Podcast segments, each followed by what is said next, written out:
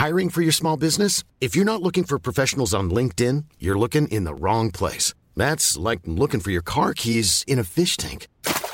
LinkedIn helps you hire professionals you can't find anywhere else, even those who aren't actively searching for a new job but might be open to the perfect role. In a given month, over 70% of LinkedIn users don't even visit other leading job sites. So start looking in the right place. With LinkedIn, you can hire professionals like a professional. Post your free job on linkedin.com slash people today. Normally, being a little extra can be a bit much. But when it comes to healthcare, it pays to be extra. And United Healthcare makes it easy with Health Protector Guard fixed indemnity insurance plans. Underwritten by Golden Rule Insurance Company, they supplement your primary plan, helping you manage out of pocket costs without the usual requirements and restrictions like deductibles and enrollment periods. So when it comes to covering your medical bills, you can feel good about being a little extra. Visit uh1.com to find the Health Protector Guard plan for you. Many of us have those stubborn pounds that seem impossible to lose, no matter how good we eat or how hard we work out. My solution is PlushCare. PlushCare is a leading telehealth provider with doctors who are there for you day and night to partner with you in your weight loss journey. They can prescribe FDA-approved weight loss medications like Wagovi and Zepbound for those who qualify. Plus, they accept most insurance plans. To get started, visit plushcare.com slash weight loss. That's plushcare.com slash weight loss. Så slipper du bök och bröte på jobbet. Ja, det låter bra, eller hur?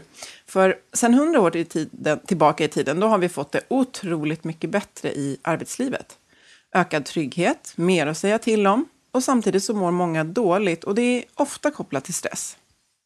Egentligen är det väldigt onödigt. För det finns gott om forskning som visar vad som får oss att fungera bra, både var och en och tillsammans i arbetslivet. Och idag ska vi prata om vad det är och vad vi borde sluta med på en gång.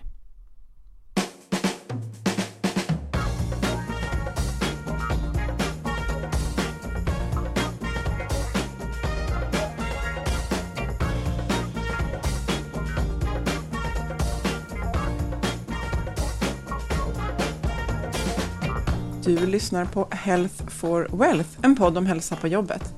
Människor som mår bra, de presterar bra. Så hänger det ihop. Ja, och det handlar ofta om att få till bra samarbeten. Att både ha en tydlig riktning och frihet att agera självständigt. Och förstås trygga ledare som har tid att leda. I den här podden tar vi ett helhetsgrepp på hälsan på jobbet.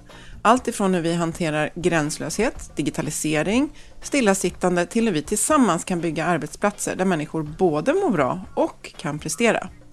Vi är Ann-Sofie Forsmark, jag driver företaget Oxy Group.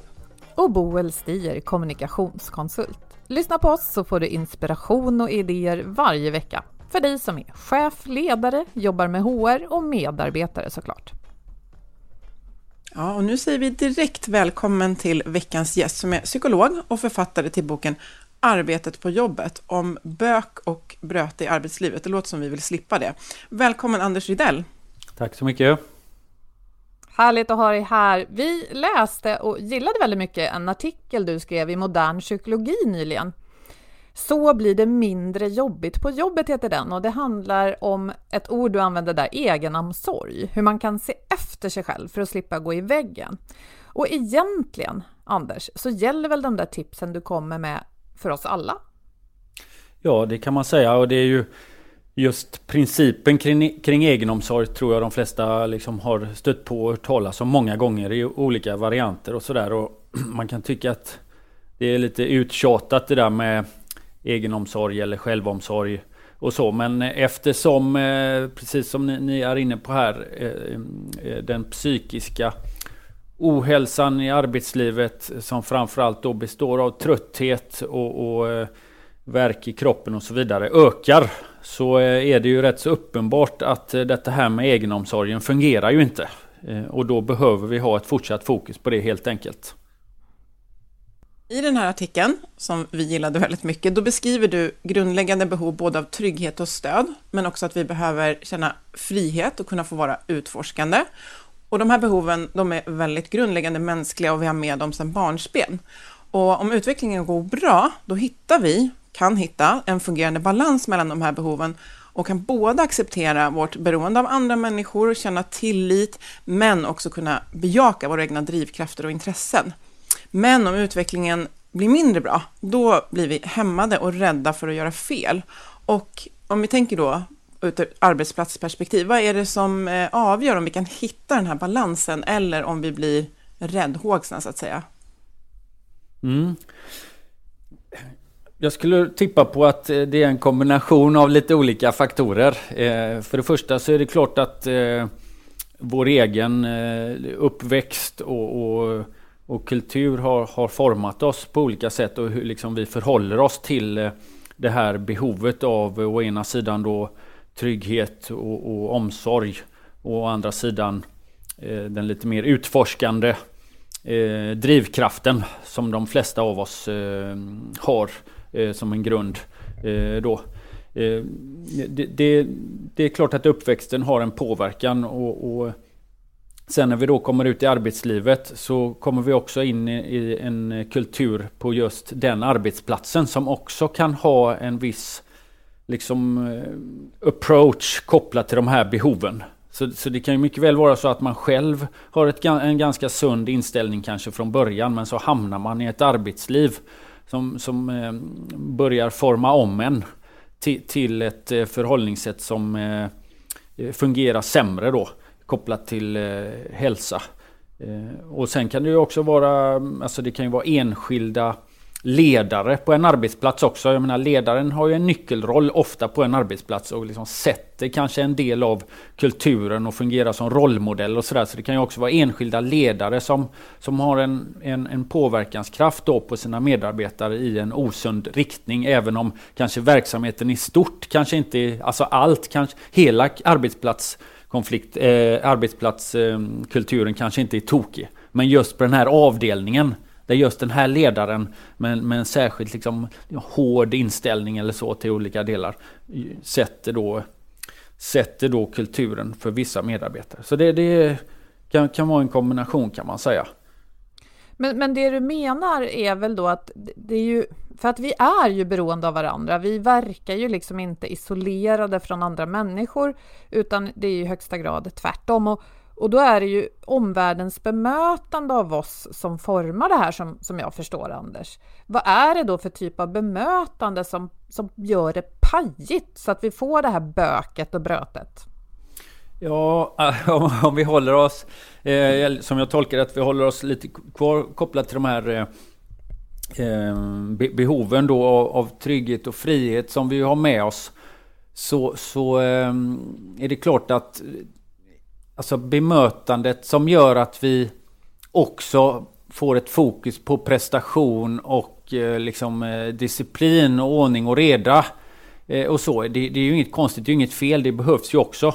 Jag menar, eh, Visst, när vi, när vi föds och växer upp så är väl våra mest liksom, omedelbara behov då att vi vill, ha det, vi vill ha det gott, vi vill ha omsorg, vi vill ha trygghet och så vidare. Och sen vill vi göra som vi vill också. Vi vill utforska omvärlden och vi, vi skapar fritidsintressen och, och vi vill sköta oss själva och allt detta.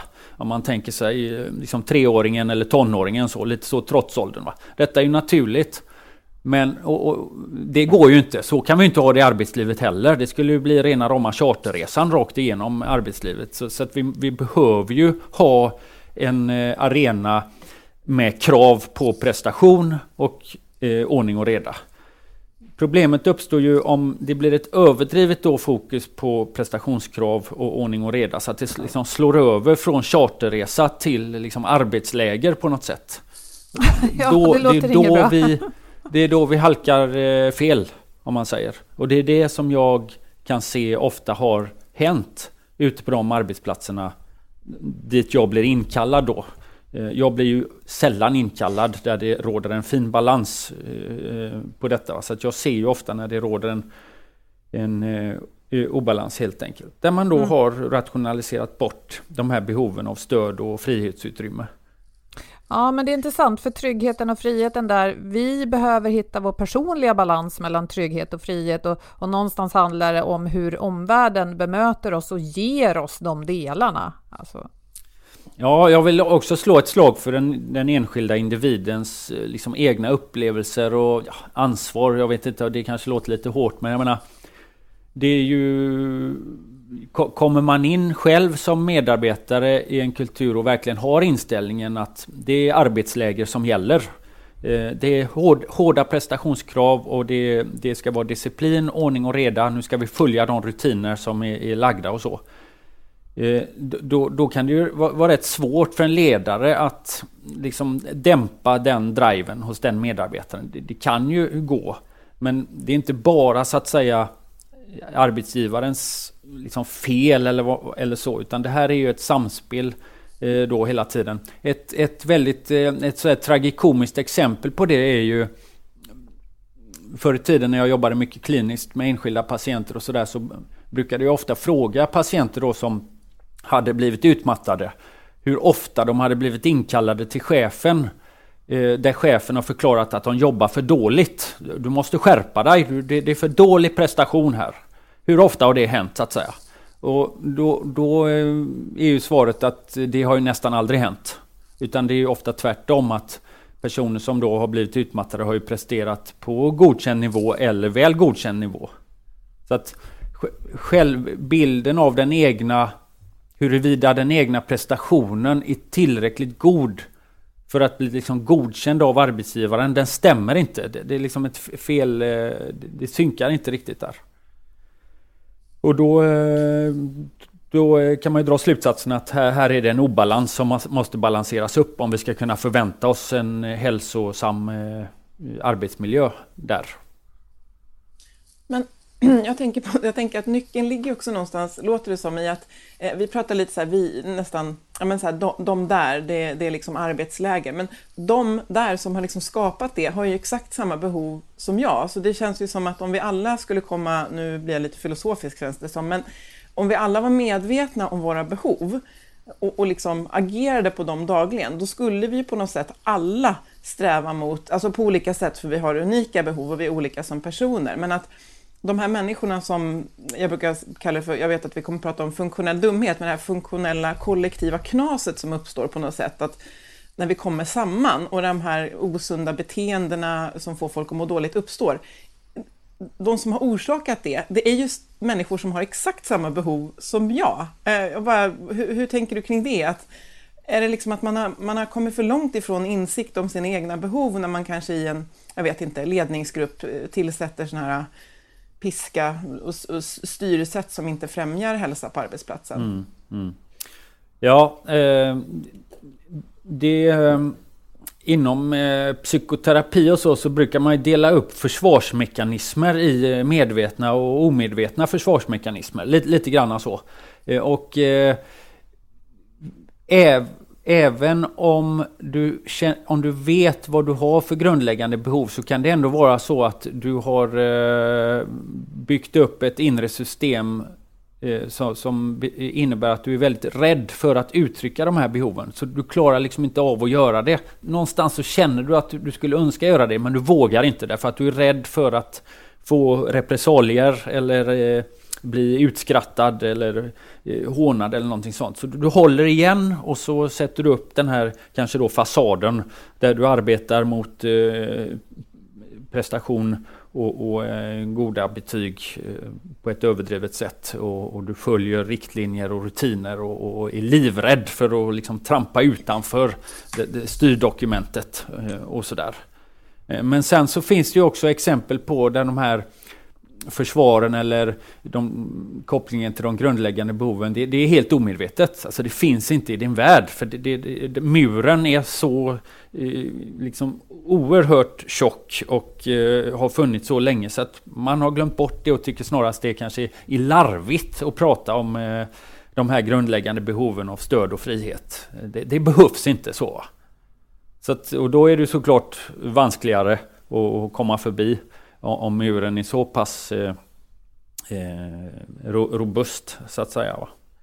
Ja, men det är väl som att vi sätter på oss, i någon mån sätter vi väl alla på oss en arbetskostym och då menar jag inte, eh, jag menar det liksom bildligt, att vi, vi kliver in i en roll när vi går till jobbet och även om vi känner att vi kan vara oss själva så är en själv på jobbet kanske lite annorlunda jämfört med den en själv som man är eh, hemma med familjen till exempel. Och du pratade tidigare Anders om individens ansvar, att det inte alltid är så att det är någon eh, arbetslägerchef som liksom driver fram de här beteendena, utan det låter ju snarare som att det faktiskt kan saknas ett kvitto på att du gör ju bra, det här går ju fint, fortsätt som du gör. Eller du vet, trappa ner därför att hälften av det du gör skulle, skulle räcka. Och jag tänker på mm. det här med individens ansvar.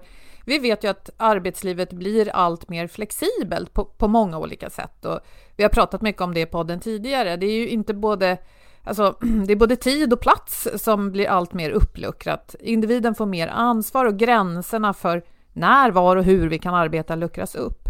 Och det här innebär ju både möjlighet till frihet men också en hel del svårigheter att sätta gränser. Eh, men här finns ju en pusselbit till tänkte jag när jag läste din artikel. Det är den ökade, säger du, och här hajade jag till lite, den ökade byråkratiseringen. Och om vi börjar där, var hittar du exempel på den, Anders? Ja, det är ju... Jag hittar ju några exempel och sen så läser jag ju vad andra forskare har hittat och sådär. Och här är det ju faktiskt Arbetsmiljöverket som har varit inne och pekat på att man kan se då en ökad byråkratisering. Kanske framförallt då i, i, i offentlig sektor men att det också är lite så generell eh, princip som råder. Va? Jag menar, ett exempel är ju den här debatten som har varit när, när läkare har eh, gjort uppror mot eh, ökad eh, för, förpappring eller administration och, och så inom sjukvården där, man är förtvivlad över att man då blir sittandes med eh, överdrivna dokumentationskrav och så vidare. Så det är ju ett, eh, ett vanligt exempel. Och detta här, ni var väl inne på det lite grann också med funktionell dumhet och så. Va? Där ingår ju ofta eh, stänk av eh, vad man kan kalla då för byråkratisering. Eh, mötes, eh, mötesritualism eh, brukar det kallas ibland.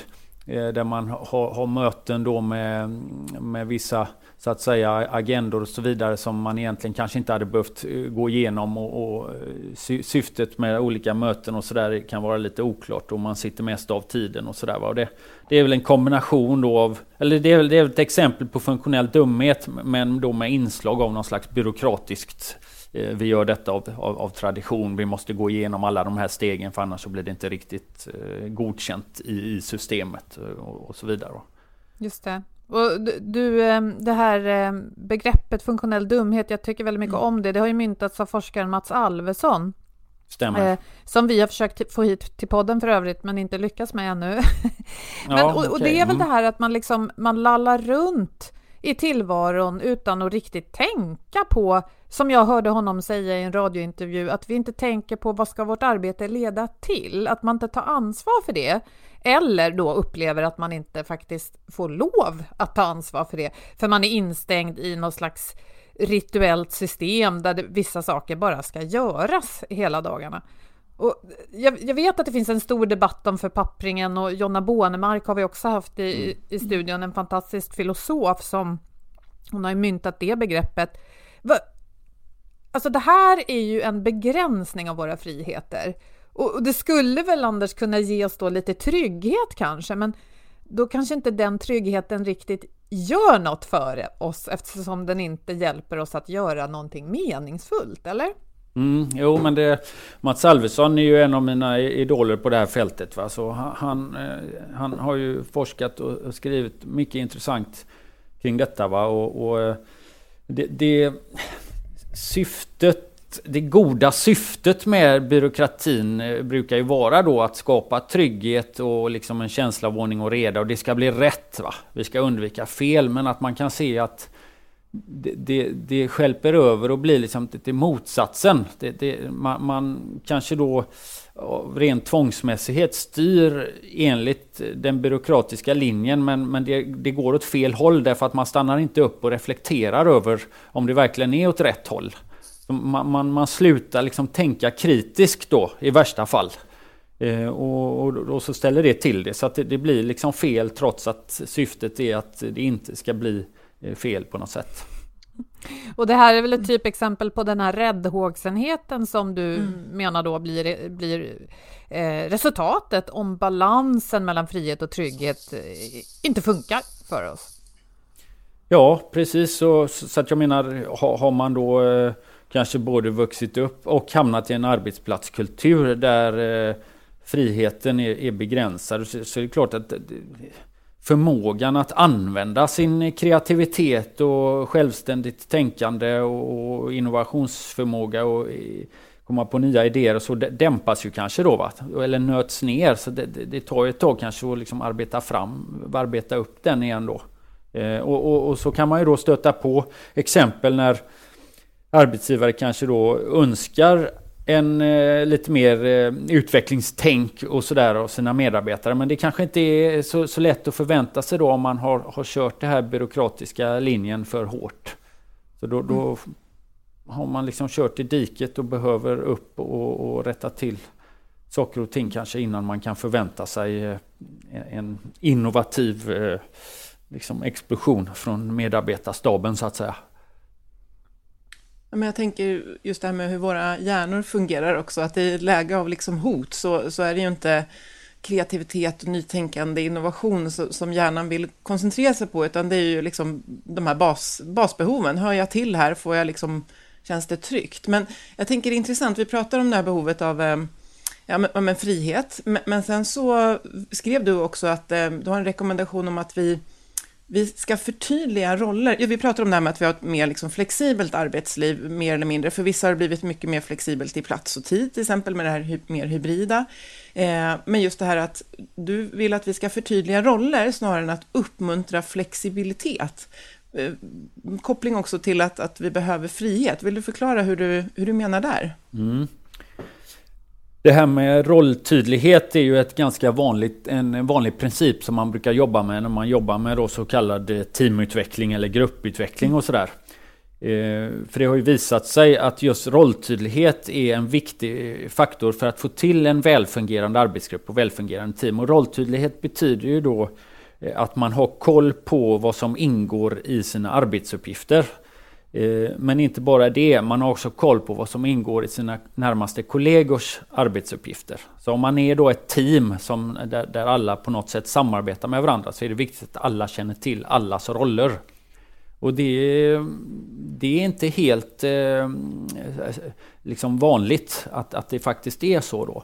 Och, och, kan man se att det är en otydlighet kring den här rolluppfattningen så är det någonting man kan eh, eh, jobba med och, och, fixa till. Men det är också en för, kan vara en förklaring till krångel som har uppstått. Konflikter, ineffektivt arbete, trötthet, eh, oklarheter eh, och så vidare.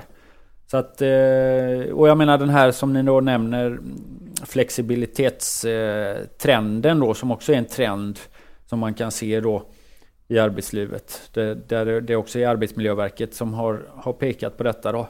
Eh, just att det är uppluckrade gränser kring eh, var, var, eh, vad som är arbete kanske och arbetstider och så vidare. Så är det ju kanske extra viktigt att ha koll på just den här rolltydligheten på arbetsplatsen.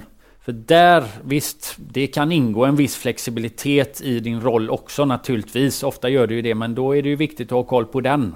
När, ska, när kan det vara flexibelt och hur kan det, gå, hur kan det då gå till och sådär. Och att man har en, en gemensam dryftning av detta i arbetsgruppen. Så inte var och en sitter på sin egen kammare och, och målar upp bilder av vad som ingår i de olika rollerna och sådär. För då blir det lätt huller om buller. Så att mer tid borde på många ställen läggas på att liksom säkerställa den här rolltydligheten på arbetsplatsen.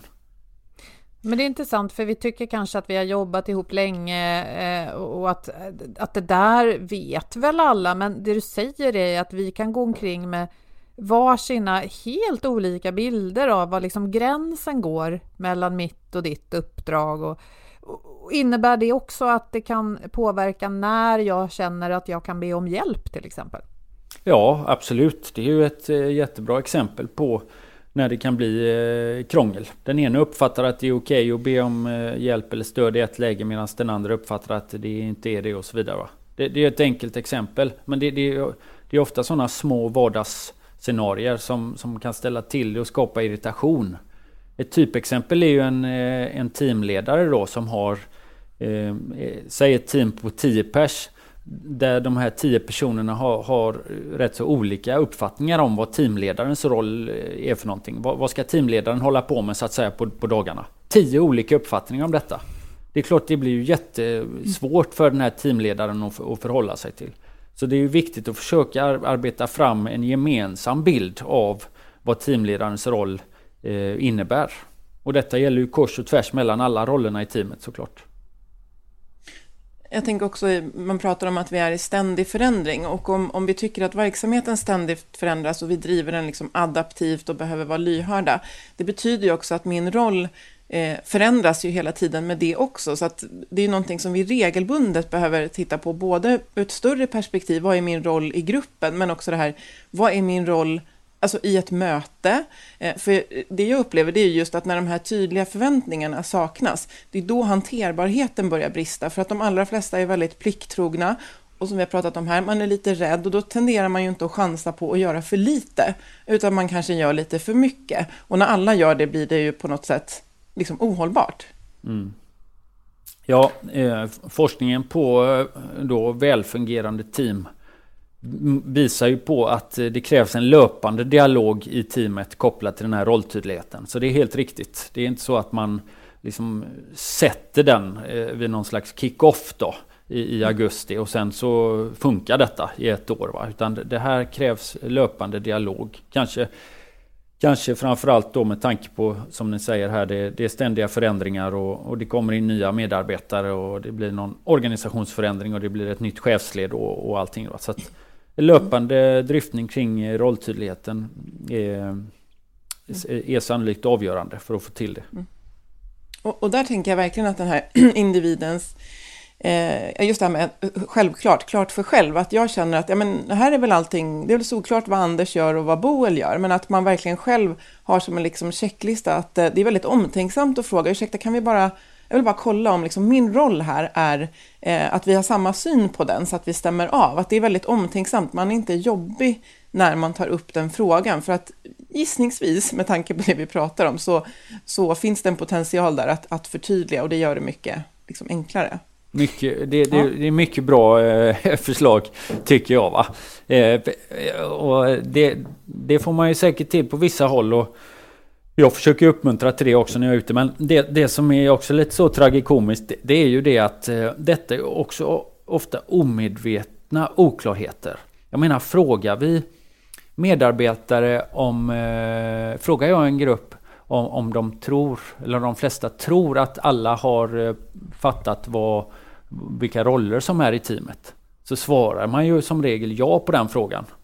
Men om man tar in och intervjuar folk enskilt och, och ber dem beskriva då vad som ingår i de olika rollerna så blir det ofta lite stappligt och oklart och vet inte riktigt och, och, och så. Eh, e-, eller att det fortfarande kanske finns en självsäkerhet kring vad som ingår i rollerna men sen visar det sig att det här stämmer inte. Jag menar, mm. rollerna är ju satta och verksamhetsledningen, så de, de finns ju. Så det handlar ju om att säkerställa en, en eh, rätt uppfattning av rollerna så att säga. Och, och, där kan det ofta vara lite svajigt. Jag tänkte på en sak, när vi, när vi spelar in det här, det gör vi i ett digitalt program där vi då, vi hör ju varandra, men vi ser faktiskt också varandra. Det här är ju en podd, men vi ser varandra för att det är trevligt att göra det när man samtalar. När vi bjuder in gäster då, så då är ju du och jag, Ann-Sofie, vi är ju ledare för den här inspelningsstunden, måste man ju säga. Och då brukar vi försöka göra jobbet bra genom att skicka lite instruktioner till våra gäster att tänk på det här vad det gäller teknik och så här lång tid tar det och så försöker vi vara lite trevliga och välkomnande. Sen när gästen kliver in, ja det är ju nästan alltid så att det blir lite tekniskt tjafs i början av ett sånt här möte, även denna gång. Och då är det lätt, eh, tänker jag, för oss att glömma bort att prata om det här med bilden. Ibland säger vi tidigt att ja, vi ser ju varandra nu, men det, det spelas inte in någon film, bara så att du vet. Eh, och, och, ibland är ju gästen då bra och, säger, och frågar själv om vi skulle missa. Men jag kan ju tänka mig att vi skulle kunna ha en gäst som kliver in, ser att det är bild och tänker herregud, ska, det, ska de visa det här? Och sen sitter och lägger ganska mycket tid och kraft under hela samtalet på att försöka se liksom presentabel ut. Eh, liksom, är inte det ett rätt så tydligt exempel på hur det kan bli dumt, Anders? Jo, det, det... Nu hade jag nog suttit ungefär på samma sätt även om eh, det här hade blivit inspelat. Va? Jag, man vet aldrig. Man får ta det säkra före det osäkra. Men eh, absolut, jag, instruktioner och sådär och, och, också säkerställa att mottagaren har fattat instruktionerna så som de är tänkta att uppfattas. Det, det, är ju viktigt naturligtvis. Det tyckte jag, tyckte jag ni gjorde bra här men det är ju faktiskt också ett exempel på när det krånglar till sig att man, eh, man som ledning kan tro att man har varit tydlig med eh, ja, Eh, olika presentationer, presentationer av en, en eh, organisationsförändring eller eh, någonting annat. Man tror att man har varit tydlig. Men när man ber medarbetare sammanfatta så visar det sig att det har inte varit tydligt i den bemärkelsen att medarbetare har, har förstått budskapet så som det var tänkt att förstås.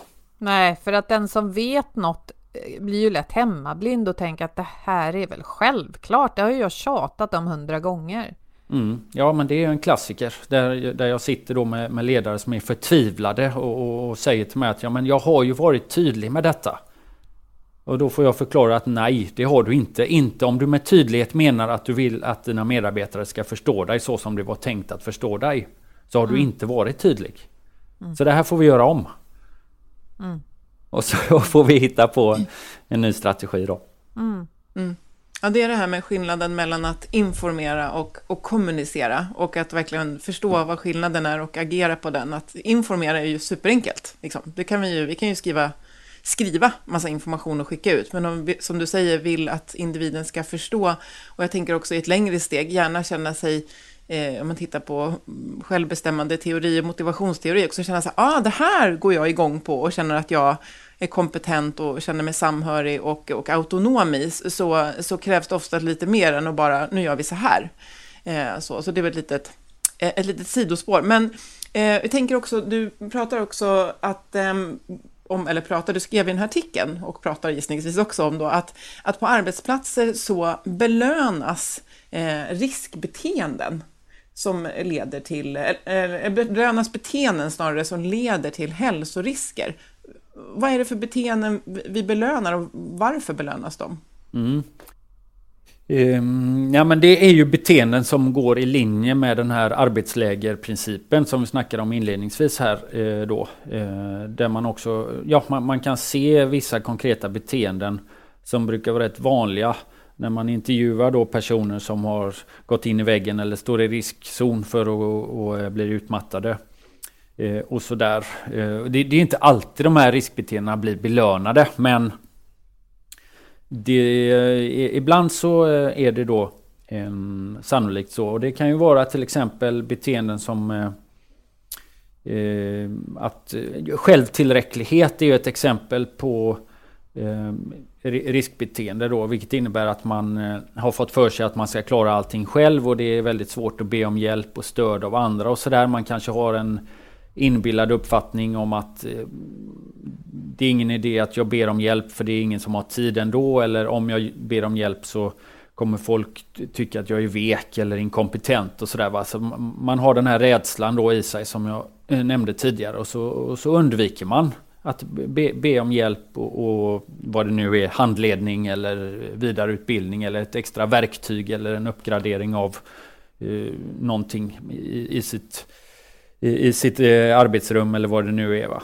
Så, så man kör på och tänker att eh, jag ska klara det här eh, själva. Självtillräcklighet, det är ju som sagt, sagt ett riskbeteende. Det är klart att en person som eh, uppfattas som att den klarar allting själv och aldrig liksom krånglar med att be om något extra eller be om hjälp och sådär. Det, det, kan ju bli en person som är väldigt lätt att ha att göra med för både kollegor och en chef. Så det är väldigt lätt kanske att halka in i att det blir ett belönande i, i det då.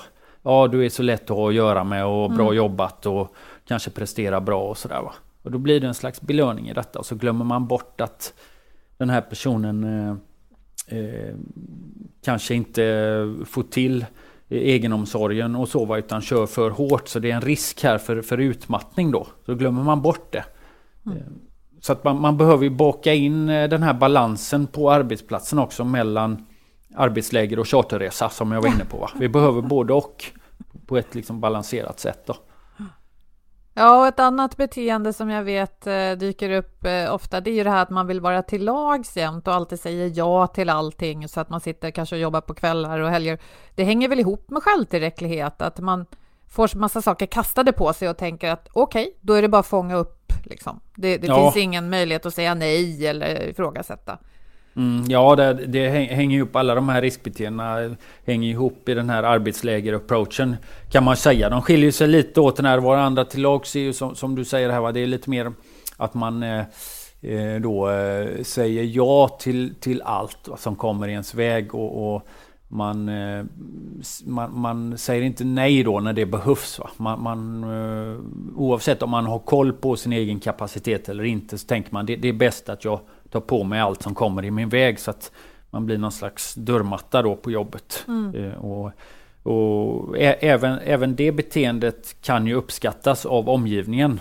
Mm. Det blir ju som sagt Ja, det, det blir lätt att ha att göra med i den bemärkelsen att vi kan alltid gå till Kalle eh, mm. eller Stina och lämna det här. Va? För, för, mm. för hen säger alltid ja. Mm. Så, så det blir ju en slags belöning i det också då. Fast det blir ju en så kallad björntjänst kanske. Ja, jag tänker mm, ibland när, när någon får, ofta får kommentaren i sin arbetsgrupp att åh, du är så tålmodig. Då, då, tänker jag att vänta lite, här eh, tycker jag det skaver någonstans. För det betyder ju någonstans att man står ut med saker som inte är riktigt bra. Ja, precis. Det, så det, det är ju eh, det är lite lurigt där. För det, det kan ju vara då en medarbetare som på kort sikt presterar väldigt bra och bidrar mycket rent produktivt. Och kanske också är på gott humör för det, det, liksom, det blir lite belöning i det hela och det är högt tempo och, och, sådär. sådär. Så att det här är en kanonmedarbetare som vi har. Och så glömmer man bort så ser man inte riktigt att den här personen kanske är på väg raka spåret rätt in i kakelväggen. Mm.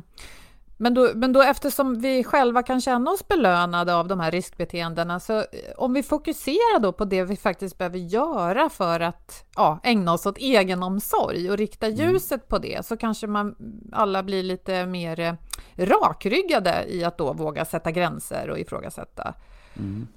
Och, och, och, du nämner dem i artikeln, det, det, det, många av dem är självklarheter. Sömn, motion, mat. Det pratas det mm. ofta om. Och där tycker jag i alla fall att eh, det finns ju en ganska stor diskussion om, om det där.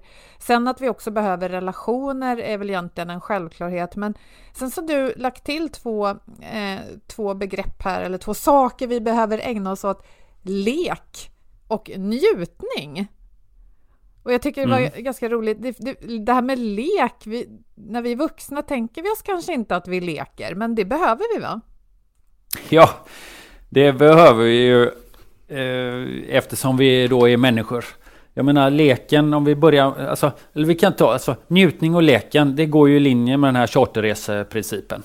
Det vill säga vi föds eh, och ganska tidigt då så utvecklar vi ett behov av både trygghet och frihet. Alltså trygghetsbehovet är ju absolut redan från början. Vi behöver värme och näring och sådär. Va? Men ganska snabbt så börjar vi ju då utforska omvärlden och vi, vi hittar på egna grejer och sådär. Va? Leken. Så att det här är ju grundläggande behov som följer med oss genom hela livet. Ser ut på olika sätt mellan olika människor men det, det finns där då.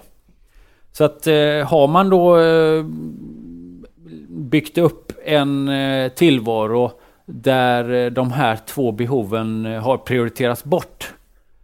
Så är det inte konstigt att man blir sliten och trött och nedstämd och, och, och så. Så då eh, behöver man ju fokusera på att bygga upp detta här igen. Eh, och som sagt, det skiljer sig åt från individ till individ. Jag menar det här begreppet lek, det kanske är ett sätt att piffa upp det gamla ordet hobby, som kanske inte så många går igång på då. Eh, men det handlar ju helt enkelt om att ägna sig åt någonting som man gör för sin egen skull, ofta någonting kreativt då. Eh, mm. Alltså det kan ju vara vad som helst. Trädgårdsarbete, spela ett instrument, eh, skriva, eh, ja vad som helst som du vill ägna dig åt som du tycker är kul och, och meningsfullt och så. Behöver mm. inte bedömas av någon eller du, du, får inte lön för det. Alltså tjänar du pengar på det så är ju det en fantastisk bonus men det är liksom inte det som är huvudpoängen om man säger så. Och det här med njutningen. Som... Ja. Ja, nej förlåt, men det är ju just det här som man ofta, fast det, det känns ju onödigt när det ställs emot att göra någonting som just leder till att få någonting gjort på jobbet, eftersom vi aldrig blir klara. Så att jag vill verkligen så här, pausa här och uppmuntra till just att reflektera över vad är det jag saknar som jag brukade tycka om, kanske just när jag var yngre, som jag gärna rationaliserar bort för att to-do-listan aldrig blir klar, men att se hur viktigt det är om vi zoomar ut och sen eh, ja, kopplat ofta till våra värderingar, så tycker vi att vi själva ska ha tid till de här sakerna. Och jag, du var på väg att säga njutning och fortsätter gärna där, för ofta så kommer de ju nära varandra på något sätt. Jo, eh, precis. Vissa aktiviteter går väl att kombinera och få ut lite av varje av det så att säga. Men njutningen är ju då å andra sidan lite sådär när, när, när tar du dig tid till att gotta dig i tillvaron. Om du säger till din kompis eller någon annan som du som du så att säga befinner dig tillsammans med och, och liksom så här, ja, så här, så, här, så här skulle man ha det varje dag. Nu, nu har vi det gott liksom. Va, mm. Vad är det då du ägnar dig åt? Ja, det kan ju också naturligtvis vara vad som helst. Det beror väl på vad du tycker är gott. Eh, men, men poängen är, ägnar du dig åt detta? Mm. Försöker du göra så gott du kan för att liksom kunna ägna dig åt detta? Eftersom det är då ett, ett behov som, eh, som, eh, som vi har då. Och det så, kan ju, jag tänker mm. bara skillnaden mot hobby, eller jag tänker på hobbys, som då var kanske ett lite osexigt ord. Eh, när man börjar tävla i en sport, då kan man ju säga att det inte riktigt eh, är en hobby längre, utan då börjar vi prestera. Och det som jag hör att du betonar här är ju den här till, eh, tillvarons lätthet på något sätt, när man är i stunden och bara tycker att det är gött, som du säger. Och det kan väl mm. vara bara liksom hänga med någon man gillar och inte ha något liksom agenda för den träffen, utan bara vara. Ja, just det. Så kallat göra ingenting, vilket är ju rätt svårt mm. för, dem, för, att få till då. Eh, men, men det, det, kan ju vara ett exempel eh, på det naturligtvis. Och det, just det här med egenomsorgen här, ni, ni räknade ju upp de andra boxarna också här. Eh, det, det, är ju när man frågar då personer som har blivit utmattade om de, alltså hur ser din egenomsorgsmodell ut? Va? Så är det ju ofta väldigt stora brister i den. Så man har prioriterat bort stora delar av sin egen omsorg. Mm. Vilket ju är jättedeppigt men såklart begripligt när man mm. tittar på hur personens tillvaro ser ut och, och sådär. Va? Men mm. det fungerar inte i längden. Så någonting måste, måste göras för att bygga upp egenomsorgen igen. Ja, för det, det handlar ju förstås om oss själva och våra egna liv, men det, det, det kommer ju liksom att ge ringar på vattnet även på jobbet. Så jag tycker genom att pod, ja, podda i den här podden i, vad är det, det är snart sex år anser vi. Det är galet. Det har gjort mig mycket mer rakryggad i att eh, om jag har ett långt kundmöte nu för tiden, då ställer jag mig upp antingen det är digitalt eller fysiskt och säger hörni, jag vet att våra hjärnor funkar inte om vi sitter ner i flera timmar, så nu ställer i alla fall jag mig upp och då är det alltid någon som gör samma sak. Jag tänker att vi ska våga göra det där att, att påminna varandra om att vi är faktiskt kroppar också och inte bara maskiner med en hjärna i mitten. Liksom. ja, precis. Just det där med rörelsen är ju också eh, viktigt såklart. Det är ju också helt individuellt eh, hur man rör sig. Men jag menar det, det, det mesta tyder ju på att eh, våran kropp behöver regelbunden rörelse för att den ska liksom fungera hyfsat bra. Det, det är liksom få som säger emot det, mm. om ens någon. Så att eh, det, det, är ju en del av egenomsorgen. Som också många har svårt att få till, eh, alltså motionen. Och där eh, kan man ju också tänka att eh, okej, okay, är, det, är det bara eh, individens ansvar att få till det här med att käka ordentligt och motionera och så. Ja, det, det, är klart att, att jag som individ måste ju genomföra själva den aktionen själv. Jag, jag kan ju liksom, min chef kan ju liksom inte motionera åt mig, men chefen kan lägga till rätta för en bättre egenomsorg Kanske. Och där mm. deltar jag ju själv i en, en debatt där, jag då menar på att man kanske till och med borde införa eh, motionen som en arbetsuppgift på arbetsplatser. Va? Mm. Eh, det, det, det, min, min uppfattning är att det är väldigt många människor som upplever att de inte hinner motionera därför att de har ett för tajt livspussel och så. Kanske också en ganska tajt ekonomi. Det kan ju vara lite dyrt med vissa träningsformer och så idag. Alltså gymkort och annat mm. kostar ju va. Så att, eh, att, att, faktiskt lägga till rätta för ett utrymme på arbetstid för att få till motionen. Det, ja, inte, det, där, det, är, Det är liksom inte bara för att vara snäll Nej, mot och- medarbetaren. Det, det ger ju goda effekter för, för all- alla. Så är det och vi har pratat om det i vår podd och eh, det är ju svårt för en arbetsgivare att dra gränsen vad, vad man ska och vad man ska inte. Men som du säger, att ge förutsättningar och, och framförallt tänker jag som ledare ställa frågor. Får du till det här i livet? Och att vi ställer de frågorna till oss själva är väl viktigt. Jag, jag tänker att det passar ganska bra att runda av här för att vi vet ju nog allt det här, skulle jag vilja säga. Men det skadar aldrig att påminna och vi skulle vilja att du som lyssnar kan känna dig just lite mer rakryggad efter det här samtalet och kanske våga prata om rollerna på jobbet och ta upp den diskussionen. Att tänka att det är inte alls fånigt att förtydliga det, för väldigt ofta går vi omkring med olika bilder av vem som ska göra vad och när.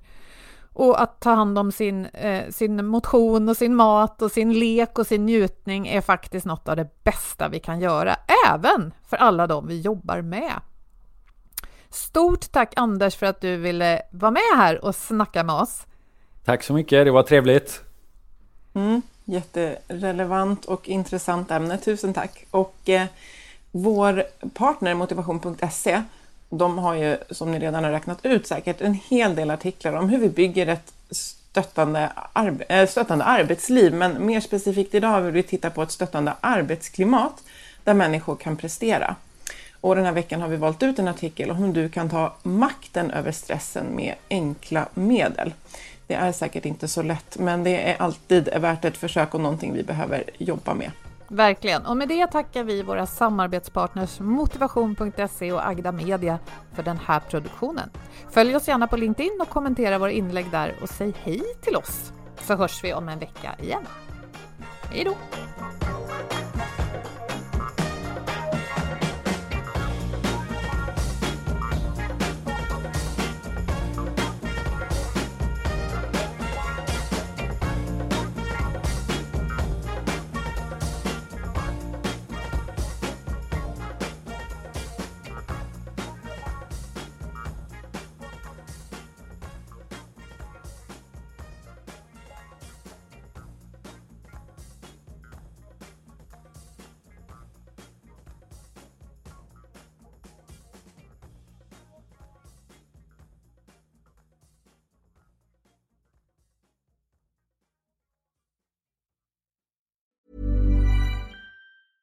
Mom deserves the best, and there's no better place to shop for Mother's Day than Whole Foods Market. They're your destination for unbeatable savings, from premium gifts to show-stopping flowers and irresistible desserts. Start by saving 33% with Prime on all body care and candles. Then get a 15-stem bunch of tulips for just $9.99 each with Prime. Round out Mom's menu with festive rosé, irresistible berry chantilly cake, and more special treats. Come celebrate Mother's Day at Whole Foods Market. Mom deserves the best, and there's no better place to shop for Mother's Day than Whole Foods Market. They're your destination for unbeatable savings, from premium gifts to show-stopping flowers and irresistible desserts. Start by saving 33% with Prime on all body care and candles. Then get a 15-stem bunch of tulips for just $9.99 each with Prime. Round out Mom's menu with festive rosé, irresistible berry chantilly cake, and more special treats. Come celebrate Mother's Day at Whole Foods Market.